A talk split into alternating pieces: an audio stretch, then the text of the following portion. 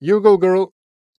To je bil Aljaš, moje ime je pa Nataša in mi dva skupaj delava podcast Met in Čaj. To je podcast, v katerem se z ljudmi iz sveta medijev, založništva, komuniciranja, pogovarjava o medijih, o dobrih in slabih praksah, o novih tehnologijah in trendih prihodnosti. hvala za sporočila, ki nam jih pošiljate. komentarji in predlogi, koga naj gostiva, so vedno dobrodošli na info afna metinalista pika si. spremljava tudi ključnik Met in čaj. In na Twitterju sva afna Pengovski in afna dc triinštirideset. hvala tudi za, ocene, ki nama jih namenjate, in donacije vsebinam na Metini listi. Aljaž, danes imava zelo zahtevno temo.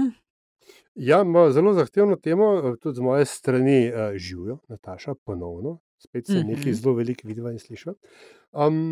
ampak v resnici tudi temo, ki jo že kar nekaj časa obdelujeva točno s tega oziroma sorodnih vidikov, kot jih bomo danes, se dotaknili, in ki, kot si pravilno ugotovila, postaja v resnici vedno bolj zahtevna, ne, čeprav bi bilo, bi se spodobilo in bi bilo pravično, da bi bila že zdavnaj rešena, in to v prid skupnega in javnega dobra.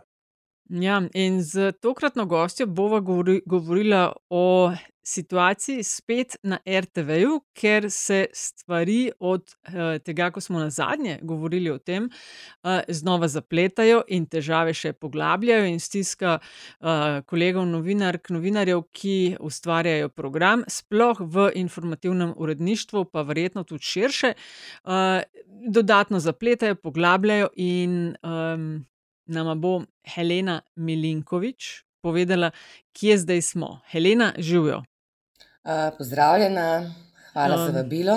Ja, Helena, zdaj tvoj, eden od opisov nalog in del je vodja stavkovnega odbora in o tem bomo danes veliko, ampak vedno pa začenjava podcast Met in čaj s tem, da se gost, najprej malo predstavi.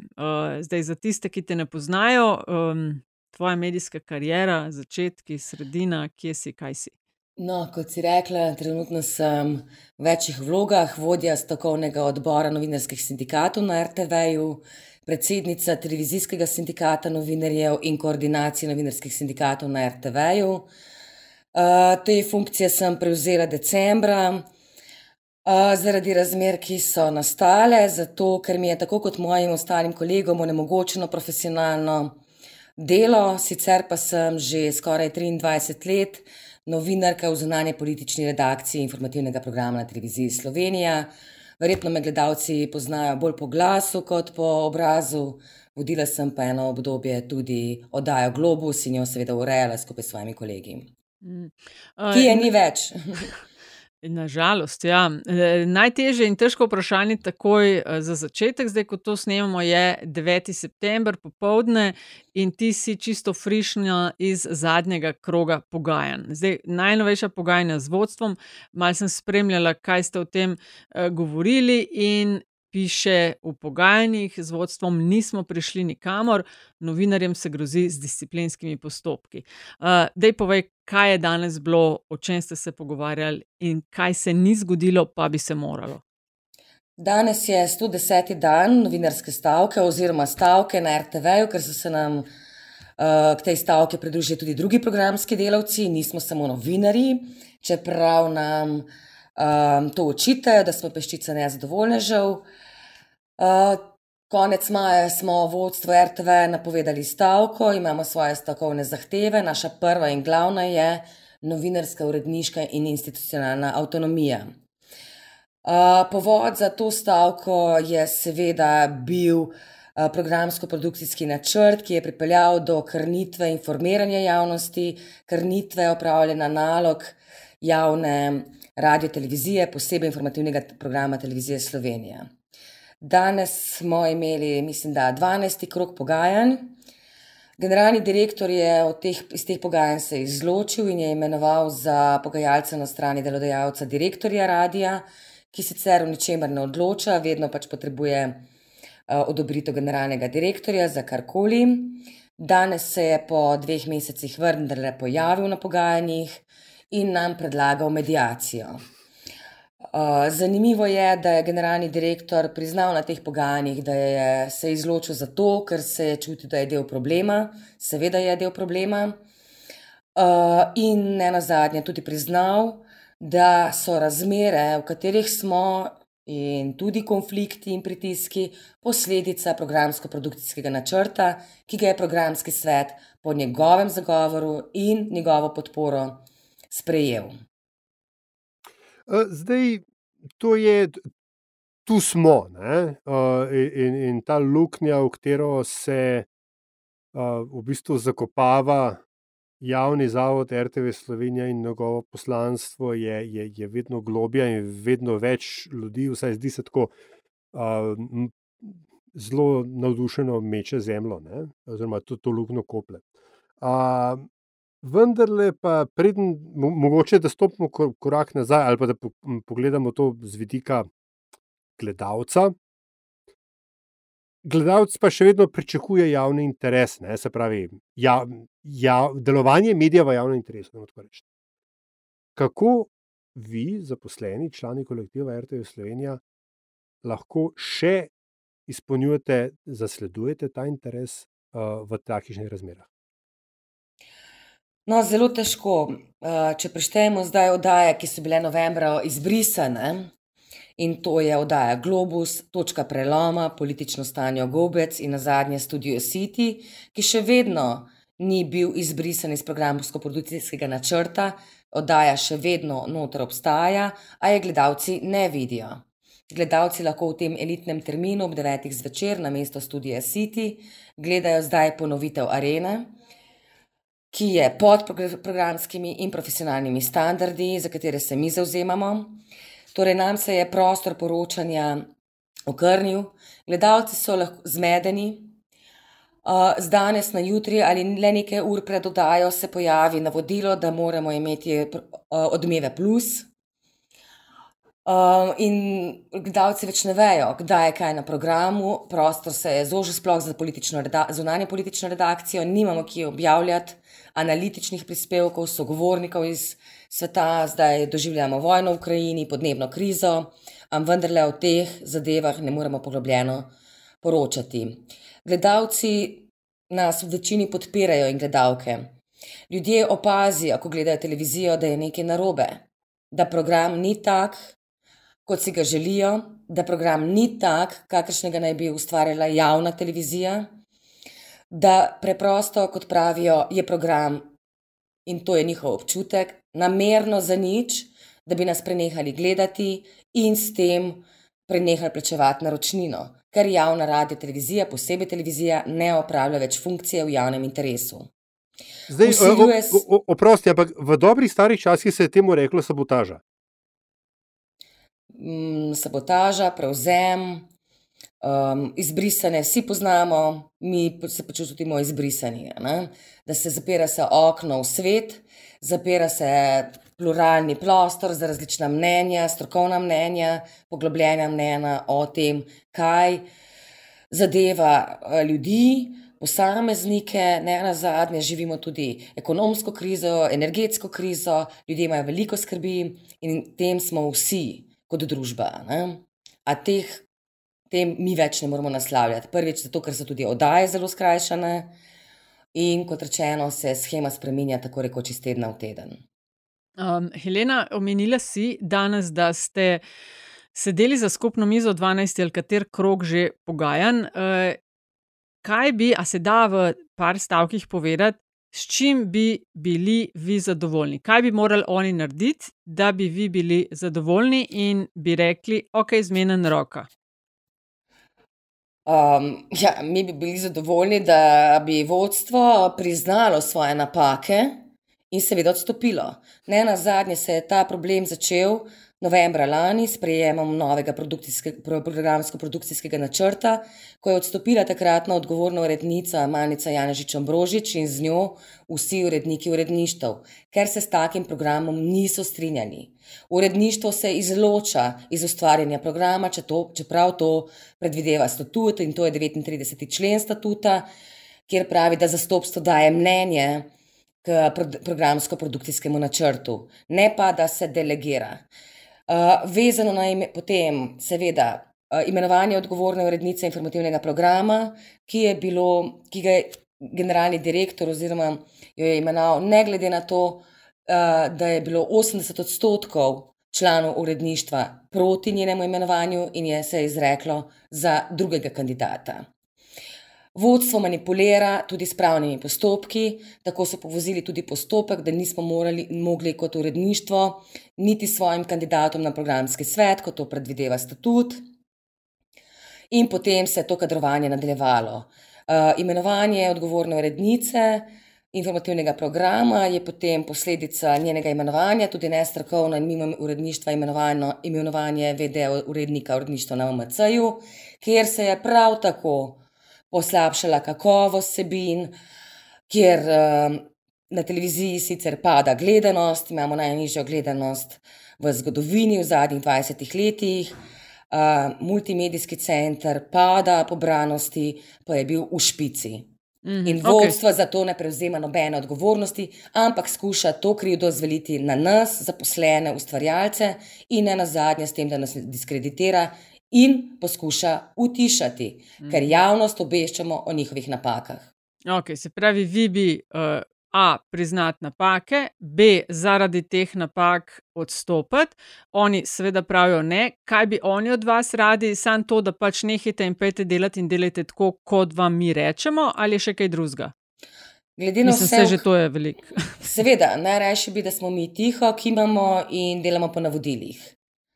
Uh, ne na zadnje, tudi začasna odredba, ki je izdalo sodišče v času parlamentarnih volitev, kaže, da gre za politizacijo programa. Um, sodišče je reklo, da se je s tem omejilo pluralnost mnen, torej se je nekaterim političnim strankam ali predstavnikom omejil prostor na javni televiziji, da bi predstavili svoje stališča voljivcem in ostalim prebivalcem. Um, nekatere druge prakse se delajo bolj potiho, pritiska se na posameznike, na takšno prakso, avtoritarno, pač ne moremo pristajati. Živimo v demokraciji, v uredništvih razpravljamo, se pogovarjamo, ne na zadnje smo novinari, specialisti za določena področja, imamo strokovnjake, obstajajo neki produkcijski standardi, kaj je oddaja, oziroma kaj je standard predvajanja po EBU, EBU standardih, torej po standardih Evropske radiodifuzije, katere del je javna RTV? Um, dve stvari. Ne. Prvič, kdo pa pravi, da so ti standardi pravi, zakaj pa ne more biti eni drugi standardi, ki se recimo novemu šefu zdijo pač v redu, ne. v končni fazi. A ni dovolj, dovoljšen standard to, da je pač oddajal na redu naš in ne vaš? Ne, ni dovolj, zato ker smo mi javna televizija in ne privatna ali politična televizija. Nekaj, kar je možno na Novi 24 kot strankarski televiziji, je nedopustno na javni radio televiziji.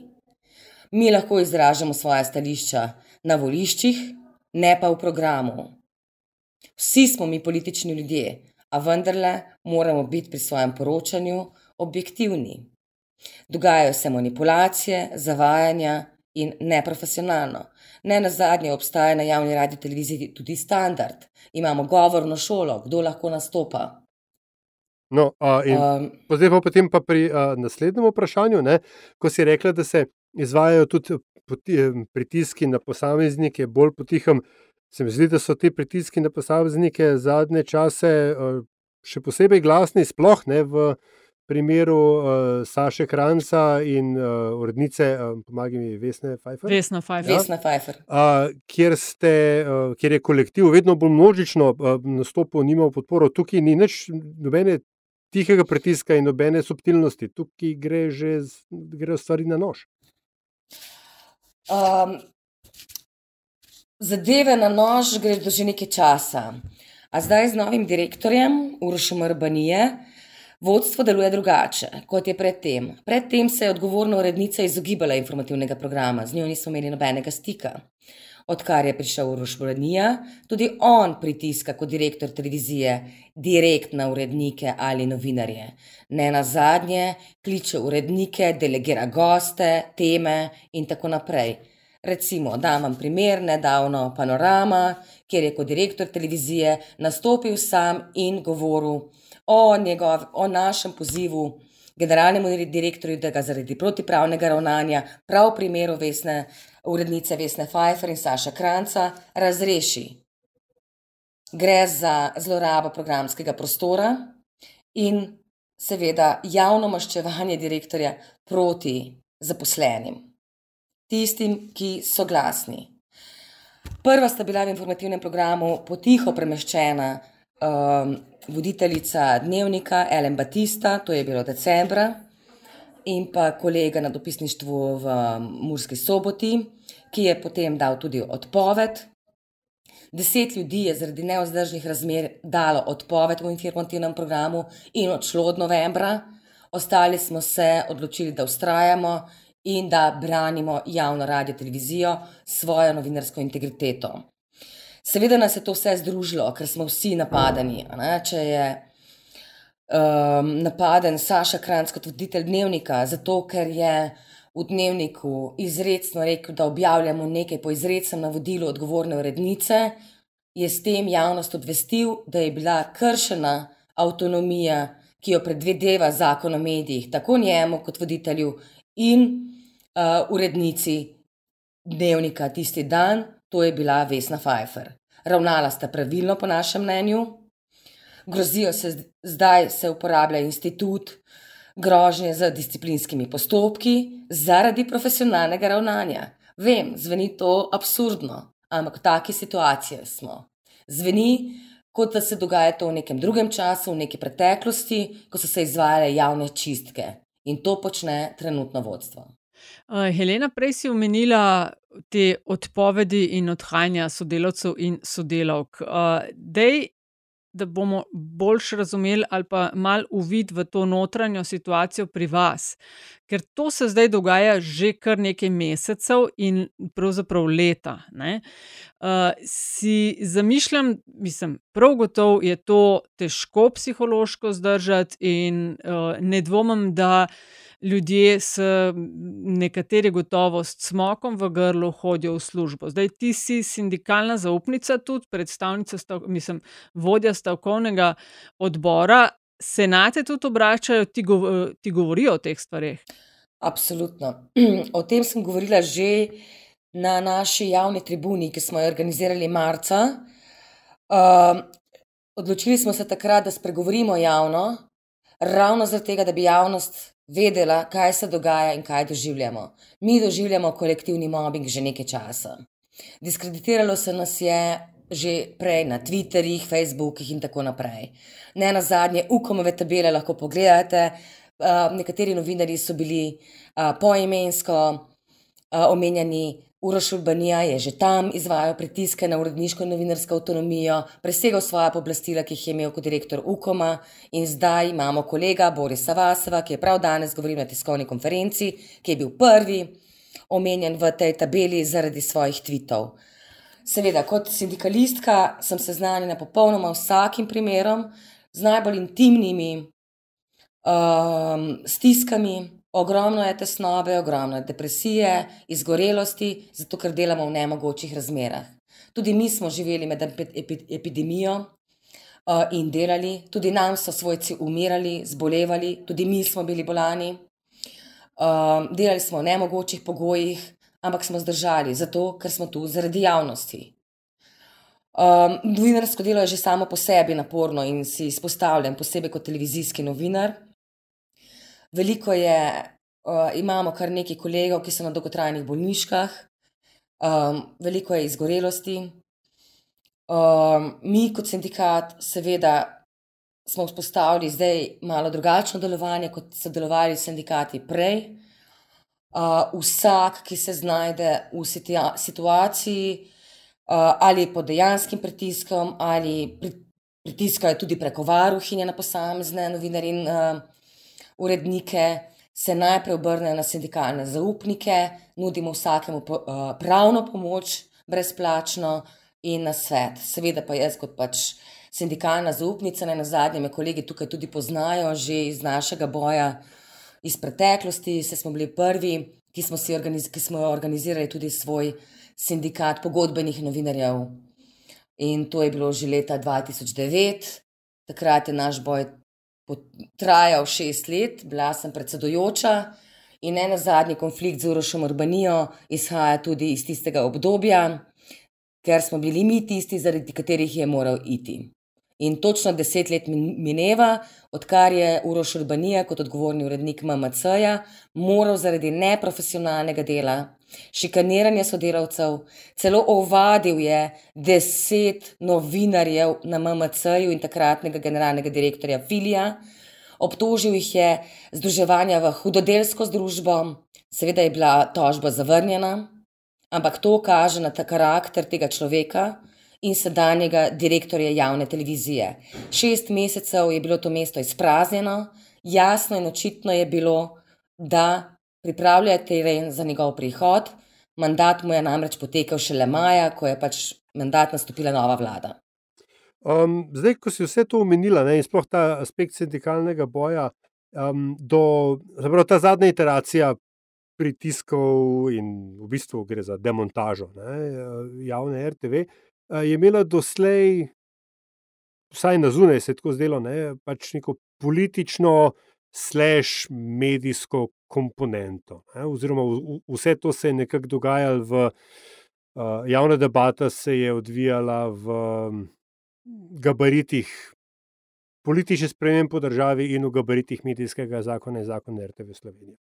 Zdaj so pa na plano privrele v bistvu stvari, kot je kršenje delovno-pravne zakonodaje, ne, ki pa v bistvu a, to, to situacijo naredi dosti bolj generično in tudi dosti bolj, um, z lepo slovensko besedo, relatable. Ne, ker naenkrat to ni več samo problem novinarja, novinark, ampak je to problem, s katerimi se sooča vrsta delavcev, zaposlenih v Sloveniji. Ali je to vašo situacijo olajša ali jo dodatno zakomplicira, ker postanete samo še eni od mnogih? Um, zdaj, okay. v novinarskem sindikatu nismo samo novinarji in uredniki. Um, med, naši člani so tudi tajnice režije, uh, šoferji, receptori, maskeri in maskerke, asistenti snemalcev, snemalci in ostali produkcijski delavci naši položaji so različni, naše plače so različne. Ne na zadnje, novinari smo organizirani tudi v novinarske aktive oziroma zastopstva in to imamo tudi že v statutu. Ostali teh privilegijev recimo nimajo. Zato je naš boj morda lažji. Mi se s svojim bojem borimo tudi za naše deprivilegirane delavce, Um, ne vemo še, raziskujemo, zdaj delamo tudi v sindikatu strukturirane intervjuje z ostalimi kolegi, ki niso naši člani in niso novinari, da ugotovimo, kakšno je stanje. Mi imamo ogromno bolnih, kot sem že rekla, ljudi s kroničnimi bolezni, so tudi pač delovne poškodbe. Recimo snemalec, snemalec ki že 20-30 let prenaša 30 kg preme, uh -huh, uh -huh. ima določene, delodajalec je tisti, ki je dolžen poskrbeti, ker zdrav delavec je dober delavec. Delodajalec je tisti, ki je dolžen zaščititi zaposlenega pred mobbingom in šikaniranjem. A mi smo v situaciji, ko to dela in izvaja delodajalec. Samo če pogledate na profil um, direktorja televizije zdaj, um, če pogledate, žal pač ni mogoče gledati za nazaj sej programskega sveta.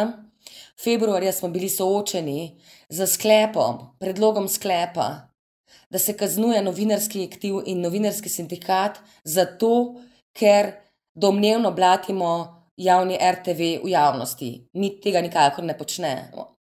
V kolektivu novinarskem v informativnem programu smo novembra lani uh, sklicali prvo novinarsko konferenco, kjer smo javnost obvestili o tem, kaj se dogaja da je program ugrabljen, da programa ni, da se dela programska škoda, da se omejuje uh, informiranje javnosti, potem se je pa to stopnjevalo do te mere, da se nam, novinarjem in ostalim zaposlenim, omejuje tudi svoboda govora. Torej, da ne, ne bi smeli sploh komunicirati po Twitterjih in Facebookih, ki so ne na zadnje tudi naše delovno orodje, s katerim komuniciramo z javnostjo, do katere ne moremo priti. No, ta sklep um, Uh, potem je bil drugi sklep. Mi smo prvi sindikat, poleg policijskih sindikatov, recimo, se soočil s takim ravno v avtoritarnem režimu v času, času pandemije. Um, policistom se je recimo dogajalo najbližje to, kar se dogaja nam. Silo se jih je v deprofesionalizacijo, uh, popolnoma avtoritarno vodenje. Uh, videli smo, kaj to pomeni na ulici. Prepovedali so jim tako rekoč sindikalno delovanje, da so morali na sodišče. Zdaj se te stvari vračajo. Za vse to je potreben čas.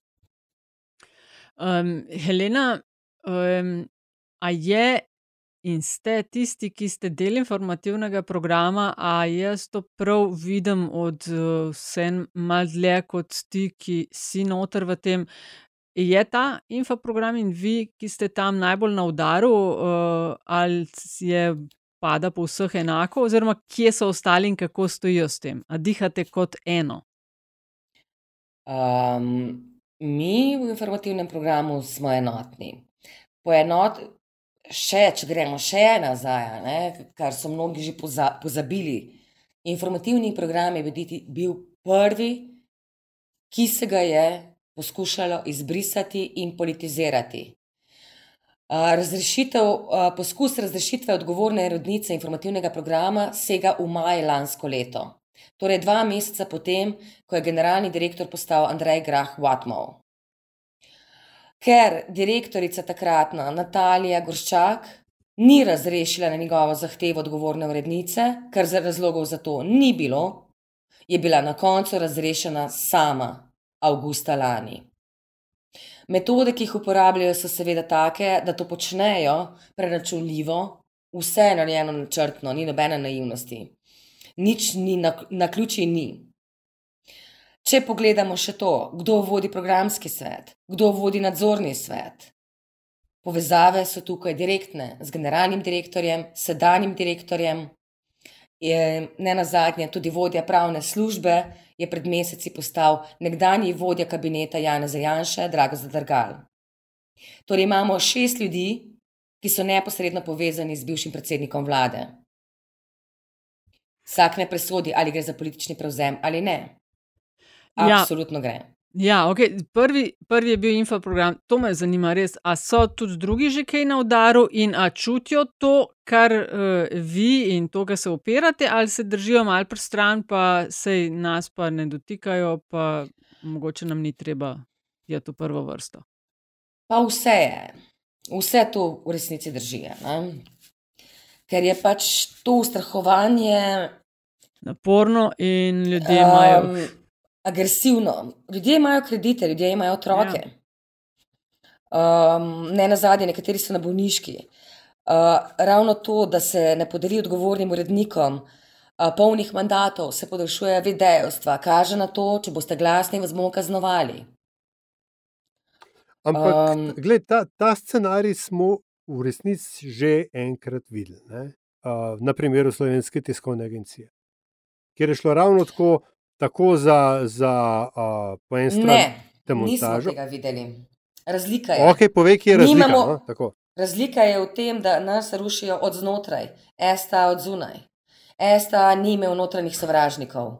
Mi, kot sem naštela, imamo odgovorno urednico, ki je sovražen do zaposlenih. Imamo VDE odgovornega urednika, ki je sovražen do zaposlenih torej govorimo o MMC-ju. Imamo direktorja, ki je sovražen do vseh nas. Imamo generalnega direktorja, ki je sovražen do nas. Imamo pr programski svet, večino programskih svetnikov, ki obravnava proti pravilom posamezne novinarje in urednike. Uh, o tem ne sme. V redu, gled, po, uh, imaš prav, se strinjam, so razlike. Sej hotel sem v bistvu uh, napeljati na, na ravno to, kar se je rekla. Ampak recimo temu, da je bila STA suha vaja ne, za, za, za to, kar se um, RTV zdaj dogaja. Čeprav so bile tukaj pa so podobnosti, tudi razlike in, oziroma podobnosti in, in, in osebne zgodbe na STA-ju, ravno tako te stiske so obstajale, tak, kot so take, kot jih opisuješ zdaj. Moje vprašanje, oziroma meni se postavlja vprašanje tukaj, zakaj je na RTV-ju to sploh možno, ta, te, take vrste prevzem in take vrste pritiski od znotraj, od zgoraj na vzdolj, če na STA-ju niso bili možni.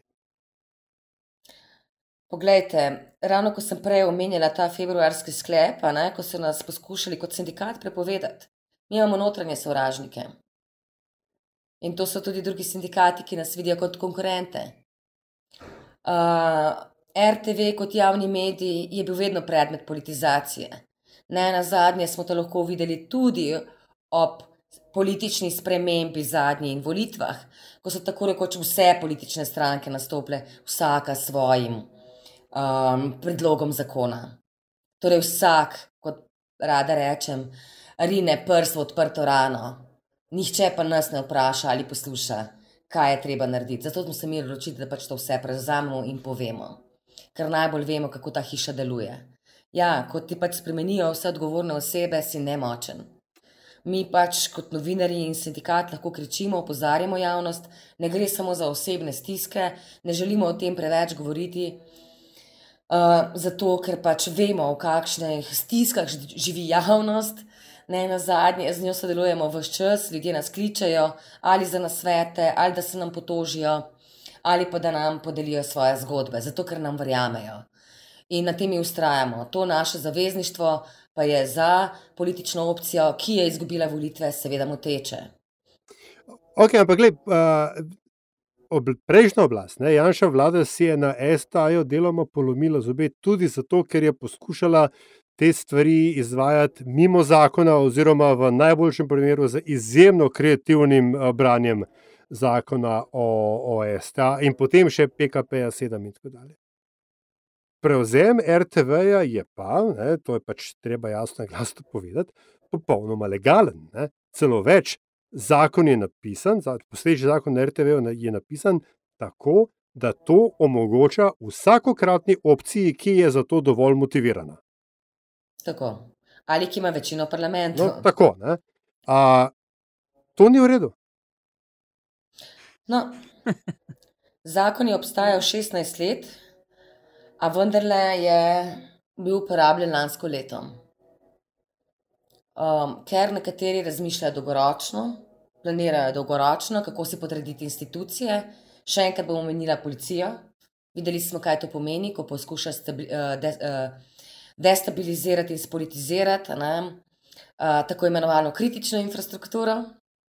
Nam je bila celo vlada odrekala, kot zaposlenim na javni RTV in javni RTV-ju, v času pandemije um, to funkcijo, da smo kritična infrastruktura, čeprav smo mi vsi kot zaposleni, posebej novinari, ko se kot redno zaposlijo, dobiš papir iz Ministrstva za obrambno, da moraš. Biti na delovnem mestu v času krize, torej, če je vojna, če je neka velika zadeva, ki prizadeva večino ljudi. Kaj, kaj, kaj, kaj, kaj delovno obveznost imate v primeru izrednih razmer? Moramo priti na delovno mesto. Tako oh, je. Wow. In to je papir, ki ga dobimo iz Ministrstva za obrambo. Prejšnja vlada je zanikala, da smo mi kritična infrastruktura kot javni mediji. Tako da nam je blokirala tudi finance, da nismo bili na prednostni listi, a ne pri cepljenju, ampak smo, um, tako kot ostali državljani, prišli na vrsto in smo se pač lahko cepili za COVID. Pa smo bili vse čas izpostavljeni um, v službi ali na terenu. Omenila si prej eh, več sindikatov, in eh, če sem te prav razumela, neke konkurenčne uh, spletke in boje med sindikati. A lahko za nas, ki ne vemo, za vse, ki ne vejo, kje vse sindikati so, poveš, kateri so in zakaj ste si sploh konkurenčni? Mislim? Ne vem. Jaz lahko govorim v imenu našega sindikata, ampak na RTV-ju smo trije reprezentativni sindikati in to je kulturno-umetniški. SDRS, ki predstavlja tehniko in radiodifuzijske delavce. Po pogodbi o sindikalnem delu je lahko samo eden profesionalni sindikalist, jaz to nisem. Jaz sem profesionalna novinarka. novinarka. Sindikalno delo opravljam poleg svojega dela. Um, novinarski sindikat, mislim, da nikoli ni imel uh, niti predstavnika, ki bi bil profesionalni sindikalist, gre za pač neke privilegije, verjetno, ne vem.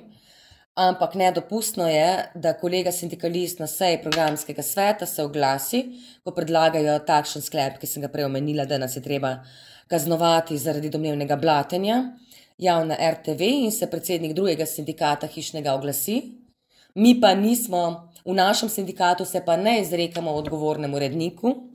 Potem nas javno v oddaji ste ga lahko slišali in videli. Um, oddaja, ki je bila pred enimi dvemi meseci na temo spremembe zakona o javni radio televiziji, ko um, sem bila tako rekoč kot uh, edina izmed RTV-ovcev osamljena in napadana in nas vse čas preštevajo, koliko nas je, kdo smo, zmerjajo nas z aktivisti, da nas delegitimirajo. Um, za me je to seveda nesprejemljivo. Sindikati, jaz sem več sestankov seveda zahtevala s temi sindikati, vedno sem jih pozvala k sodelovanju, ker na zadnje smo mi vsi odvisni. Um, vem, da se zaposleni množično izčrnjujejo iz teh dveh sindikatov, mnogi so prestopili k nam, zato ker pač vidijo, kako delujemo, uh, da pač mi, kot sindikalni zaupniki in sindikalne zaupnice, smo vedno tu na voljo za vsakega posameznika, mu takoj poiščemo in pomagamo pri pravnih zadevah, pogodbah ali pa tudi pač osebnih stiskah. In se mnogi učlanjujejo zdaj k nam ravno zaradi tega pišajo tudi o svojih stiskah, delovnih pogojih. Ne pričakujejo, da lahko mi kaj zdaj spremenimo, ker vejo, kako deluje, kaj lahko sindikat sam naredi, ampak čutijo, da smo mi tukaj podpora in da niso več sami. In mislim, da je to pač za nekatere, ki delajo od doma, so nadaljavi in zasledujejo neke lastne interese, delujejo netransparentno, um, pač postalo moteče. Ali si ti zdaj preveč fina in ne boš omenjala imen, ali te moram samo vprašati, zato ker ne spremljam tako detaljno? Ker se je kolega sam inkriminiral, to je Tomaž eh, Tom Zalaznik, eh, predsednik SDRS sindikata, konkretno tukaj. Koga pa, na, eh, na koga, omenila si, da pač imate novinarski sindikat na RTV, v bistvu sistemizirano, čeprav razumem, samo eno profesionalno delovno mesto, sem to prav povzel? To je pogodba o, okay. no, o sindikalnem delovanju, ki je pač med sindikati in pa med RTV in kolektivno podpisano. Na koga se pa potem obrnete v sindikalni skupnosti, ko rabite pomoč? Uh, mi, kot koordinacija novinarskih sindikatov RTV, smo del, kron, naš krovni sindikat je sindikat novinarjev Slovenije. Zato morda mnogi mešajo na, naše vloge, ker se podpisujemo skupaj pod vse. Um, tam imamo svoje uh, sindikalne in pravne svetovalce in pravno pomoč. Uh, in smo del, mislim, del tega sindikata so tudi ostali novinarski sindikati, medijski sindikati.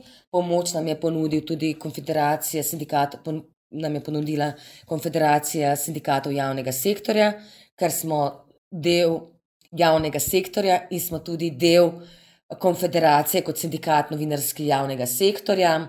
Ne na zadnje, skupaj se pogajamo o višini plač, trenutno potekajo pogajanja o uskladitvi plač v javnem sektorju za inflacijo um, in tako naprej. Tako da sodelujemo tam. Zdaj so to naše največje podpore. Podporo načelno nam izražajo tudi drugi, ampak to so ta zdaj dva krovna sindikata, ki nam pravno pomagata, ne na zadnje, tudi s svojimi sindikalnimi izkušnjami. Um, ker pač se mi, ali tudi oni, nihče se še ni znašel v taki situaciji, kot smo trenutno mi. Ne? Vsi se tudi učimo na tem. Zdaj, sodelavci in sodelavke informativnega programa že uh, zadnje dni sploh intenzivno opozarjate na stopnjevanje pritiska. Potem, ko ste um, kar se je zgodilo kolegu Krancu in Vesni Pfeiffer, ste se parkrat, dvakrat, vem, zbrali v studiu za njimi, ko so odjavljali v odjavni špici in tako dalje. Po tistem se mi zdi, da so se začeli, pa poleg teh pritiskov, pa dodatno ti disciplinski ukrepi, ki si jih danes sicer že omenila. Kakšni disciplinski, o čem to govorimo? V bistvu je to vse sporedno. Ne? Ravno zaradi grožen z disciplinskimi postopki. Uh, so kolegi prvič stopili za Sašo um, z grožnjami, s premestitvami. To poteka potiho, ne, kar sem že prej omenila. Težko se tudi izpostaviti, ampak bom o tem rekel kasneje. Kako je danes urednik nekaj objavi, novi, uh, voditelj reče v eter, naslednji dan ga več ni na planu. Zdaj se ukinja vse, urednike v informativnem programu, ki so bili pri svojem delu avtonomni in niso popustili pod pritiski ta pa ta gost mora biti danes v studiu, če je ta tema, mora biti zdravena. Recimo Luka Svetina, komentatora, ne? ki bo zdaj pač novi voditelj. Uh, pa ne bi ad personam, ker to je, so njihove metode. Saša Kranc in Vesna Fajfer sta se odločila, da bo ta o svojem primeru govorila javno. Evgenija Car se je oglasila in govorila javno. Danes je javno o svojem uh, spregovoru o tem Boris Vasov. Spregovoril je zadnjič tudi Dejan Koben, ki je bil zadnjič v, v prvič v studiu. Vsem tem se je zagrozilo nekako ustno, da se jih bo discipliniralo, da se jim bo dalo odpovedi uh, ali gro, uh, opomine pred odpovedjo delovnega razmerja, zato ker so stali v studiu. Zato smo drugič stali v studiu, drugi, da zaščitimo kolege in na ta način izrazimo solidarnostno podporo. Potem pa nas vodstvo obtoži in enači s troho in njegovimi OPS-ovci in z rumenimi jopiči, ki so dejansko vdrli v studio odmevov, potem ko so tri mesece izvajali nasilje nad posameznimi zaposlenimi. To je bilo nasilje proti instituciji, to je bilo nasilje proti vsem zaposlenim, ko so nam kampirali tri mesece pred hišo z velikim plakatom RTV ubija. Vodstvo s tem ni imelo sestankov, smo imeli nešteto, zahtevali smo, prijavili smo zadevo tudi na policijo. No, in to je edini odgovor, ki smo ga do zdaj prejeli, ob prijavi na inšpekcijo, da je delovna inšpekcija razsolila, da vodstvo ni odgovorno za vdor in ni odgovorno za varnost, ne, posledično zaposlenih. Zdaj pa nas enačijo uh, z temi ljudmi. Uh, studio je naše delovno okolje, sicer, ne, verjetno Uroš Urbanija tega ne razume, um, ker je pač novinec na televiziji, ne razume, kaj pomeni kolektiv, ne razume, kaj pomeni uredništvo in ne razume, kaj pomeni novinarska in uredniška avtonomija. Mi, kot rečeno, bomo stali za vsakim kolegom, pa ni pomembno, ali smo člani sindikata ali ne.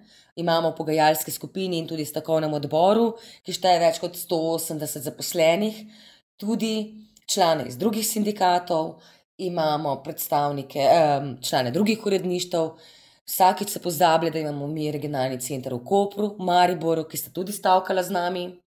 Imamo Lendavo, ta javna radio televizija oddaja v treh jezikih, tudi v italijanščini in mačarščini. In najbolj sta običajno spolitizirani ravno ti dve um, uh, uh, enoti, torej manjšinski programi Ita za italijansko manjšino in pa manjšinski program za mačarsko manjšino pri, tukaj, pri nas. Z njimi se že dolgo časa manipulira. Um, jaz se ne morem otresti tega, da je to da se to omogoča, da politika ne, z velikim P, ne glede na njeno barvo, von in okus, v resnici to dovoljuje. Ne. Ti si prej nekako dala zelo jasno vedeti, da je samo ena politična opcija tista, ki to a, a, uporablja oziroma zlorablja ne, za, svoje, za svoje dolgoročne politične namene. Ampak politolog meni, pač ne more mimo tega, ne, da, za, da se samo zanašati na samo omejevanje vsakokratne oblasti mogoče v tem času ni dovolj. Zdaj, hočem to zelo na, na, na okrog način pripeljati debato do novega predloga oziroma predlogov uh -huh. Mhm. zakona o RTV Slovenija. V preteklem, kaj je to letu, se jih je ene par idej ali pa celo verzij zakonov pojavilo. Uh, a ste vi, kot sindikat, udeleženi v teh debatah, in če, ali pa tudi če ne, a se vam zdi smer, v katero ta debata vodi prava? Um, spet moramo iti nazaj, spomnimo se čas pandemije, ne, ko je prejšnja vlada predlagala uh, spremembo vseh štirih medijskih uh mhm, -huh, zakonov, uh mhm. -huh. ne samo zakonov RTV-jev. Um, takratni predsednik vlade je na strani vlade Republike Slovenije objavil esej o vojni z mediji in kuhanju žabe. To je bila njegova vojna napoved in napoved prevzema RTV, javnih medijev. Zato sta, sta STA in javna RTV v paketu. Ves čas, ker gre za, za razgradnjo javnih storitev. Gre za razgradnjo javnega interesa, gre za to, da hočejo kontrolirati narativo in utišati kritične glasove. Absolutno se mi ne bratimo z nobeno politiko, naš odnos do vseh je istih, levih, desnih, pa polnoma vseeno je. Njihovi interesi so vedno skriti, vsi obljubljajo pred volitvami, potem pa nič. Kaj se dogaja zdaj? Dali smo zahtevo kot sindikat na mandatno volilno komisijo, naj pregleda mandate programskih svetnikov, ali so zakonito uh, imenovani ali ne. Odgovor smo prejeli v 14 dneh, in predsednica komisije je to predala protikorupcijski komisiji. To nam kaže, kakšen interes je trenutna politična opcija v parlamentu. Lahko bi dal razpravo. Zakaj ne nadzoruje nadzornega sveta? Vodstvo prodaja delnice EUTESATA, ki so namenjene razvoju in investicijam, kar je zastalo, um, in na ta račun nagrajuje zaposlene, ki jim manjkajo dve leti do polne pokojnine, in jim daje deset odpravnin, da na ta račun zmanjša število zaposlenih. Zmanjšujejo število zaposlenih zato, da delajo prostor za zaposlitve svojih ljudi iz svojih sporednih propagandnih medijev. In to so zdaj novi obrazi in glasovi. Za zdaj so vse še eh, obrazi in uh, določeni nameščenci na RTV-ju. Zakon je bil absolutno slab, zato je bil potreben spremembe, mi smo kot sindikat in tudi nekateri moji kolegi, ki niso člani sindikata, smo naredili eno delovno skupino, ker nas je pravna mreža z demokracijo povabila k sodelovanju in pisanju novega zakona. Tako da ne na zadnje smo spremembe zagovarjali tudi, tudi skupaj z pravno mrežo. Uh, nismo zadovoljni s temi spremembami, absolutno ne, ker ravno ta predlog kaže tudi na eno drugo bistvo nerazumevanja problema, v katerem smo, in to je imenovanje odgovornih urednikov, soglasja, noter ni, to je bila naša zahteva in smo ustrajali. To bi rešilo trenutno situacijo, da bi imelo uredništvo večjo moč in da bi se njegovo mnenje upoštevalo, da bi bilo zavezujoče. Trenutno pa mnenje uredništva ni zavezujoče. In potem lahko imenuje odgovornega urednika, ki nima zaupanja uredništva in to je zdaj vse odraz vsega, kar se dogaja v informativnem programu in MMC-ju. Um, druga stvar, ja, ta novela je nujna, zato ker depolitizira programski in nadzorni svet. Ti dve instituciji, ki naj bi nadzorovali delo vodstva, z njim paktirata. Z njim paktirata pri uničevanju programa, pri šikaniranju in preganjanju in kaznovanju zaposlenih, honorarnih sodelavcev. Ne na zadnje je bil sklep po naši javni tribuni uh, tudi ta, da je treba vse zaposlene in honorarne sodelavce kaznovati zaradi blatenja uh, javnega medija in vodstva v javnosti. To je priznal potem maja na seji programskega sveta javno tudi generalni direktor da so zaradi izjav izrečenih na tej tribuni uh, odgnali Marcela Štefančiča, ga ukinili, izbrisali oddajo, torej da mu niso podaljšali oziroma dali nove pogodbe v podpis. V tem trenutku se je zagotovilo. Marcel je bil, da rečem, zaradi delovnega razmerja najšipkejši člen med nami. Mi več nismo honorarni sodelavci, smo redno zaposleni. Proti nam nima ničesa, ker svoje delo upravljamo vestno, kljub vsemu. Ampak ravno to psihološko izčrpavanje, pritiski so del taktike, kako človeka izčrpati, ga obremeniti, preobremeniti, da bo na koncu v eter naredil napako. In tu smo enotni in se drug drugega podpiramo, backupiramo, gledamo dvakrat stvari, da se to nikomor ne more zgoditi. Helena, ko si prevzela to vlogo uh, decembra, v kateri si danes, a si pričakovala, da bo tako, a si kaj uh, utrujena po vsem tem času? Jaz sem že samo, ko poslušam, kaj se dogaja pri vas. Kaj še leti, ki si v epicentru? Ma, jaz sem samo glas tistih, ki si ne upajo, uh, javno spregovoriti, ker to je naporno. Vsi pričakujejo, zakaj se ne oglasi, da je te imena, da je te imena. Ne, to zahteva vodstvo. Vodstvo zahteva spiske, da je te imena, imena in jasno, kaj pomenijo imena. Jaz sem glas mojih kolegov in ostalih zaposlenih, ki so v slabšem položaju kot sem jaz. Jaz sem to prevzela zavestno, vem, kaj to pomeni, ker sem pač v tej vlogi že nekoč bila kot honorarka. In um, zagovarjam, glede na to, da delam že 23 let, v informativnem programu televizije Slovenije. Delala sem različne oddaje, projekte, veliko vojn, izrednih razmer.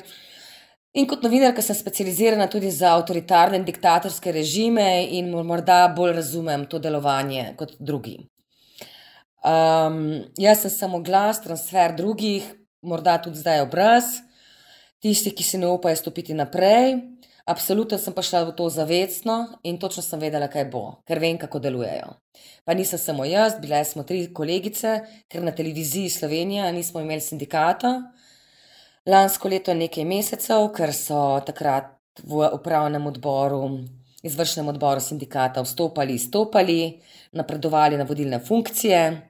Ne na zadnje sem podala tudi prijavo na policijo, proti bivši uh, predsednici sindikata novinarjev televizije Slovenija, ker je nepooblaščeno posredovala januarja mail, elektronsko pošto sindikata novinarjev televizije Slovenije, generalnemu direktorju, šlo pa je za volitve svet delavcev, ki so potem padle. Ravno danes imamo prvi volivni dan.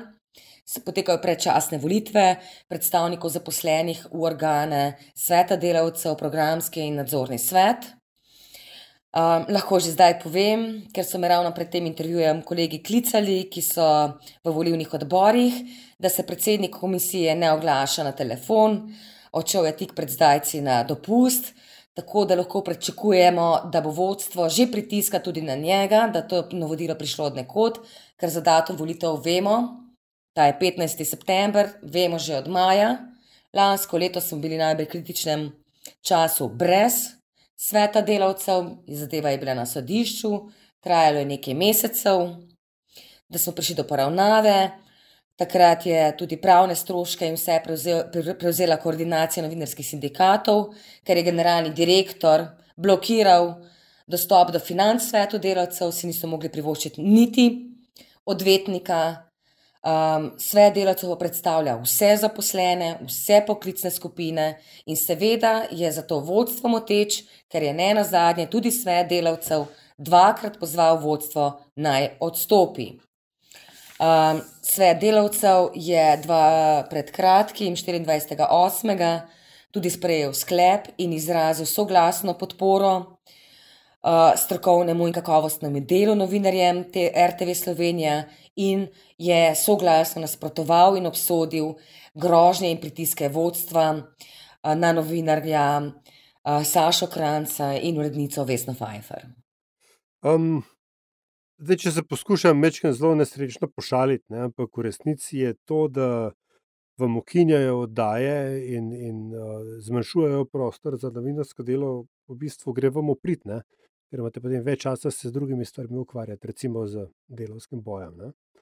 Ampak, recimo, da je no, ja. tako no, zelo, zelo ponesrečena šala, se mi je bilo naprej jasno. Uh, Mene boli, da nisem na terenu, ne? da nisem zdaj na češkem. Treba biti na češkem, za češkem so napovedani 8.10.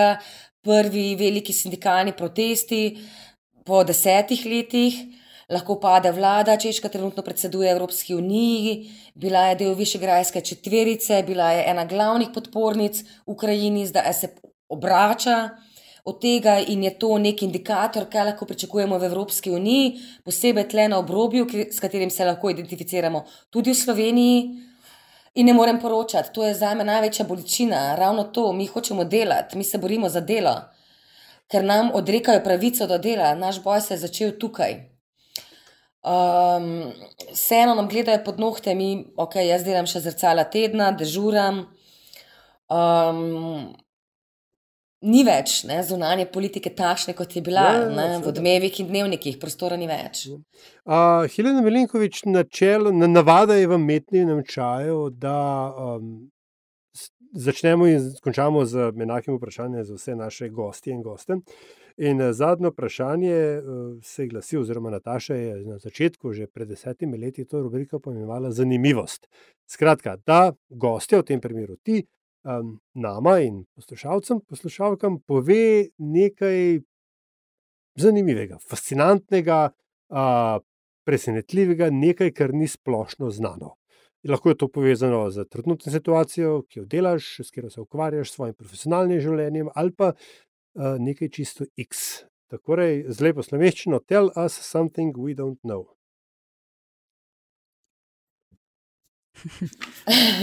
Vsem tem, kar si ja. Kaj si že povedala?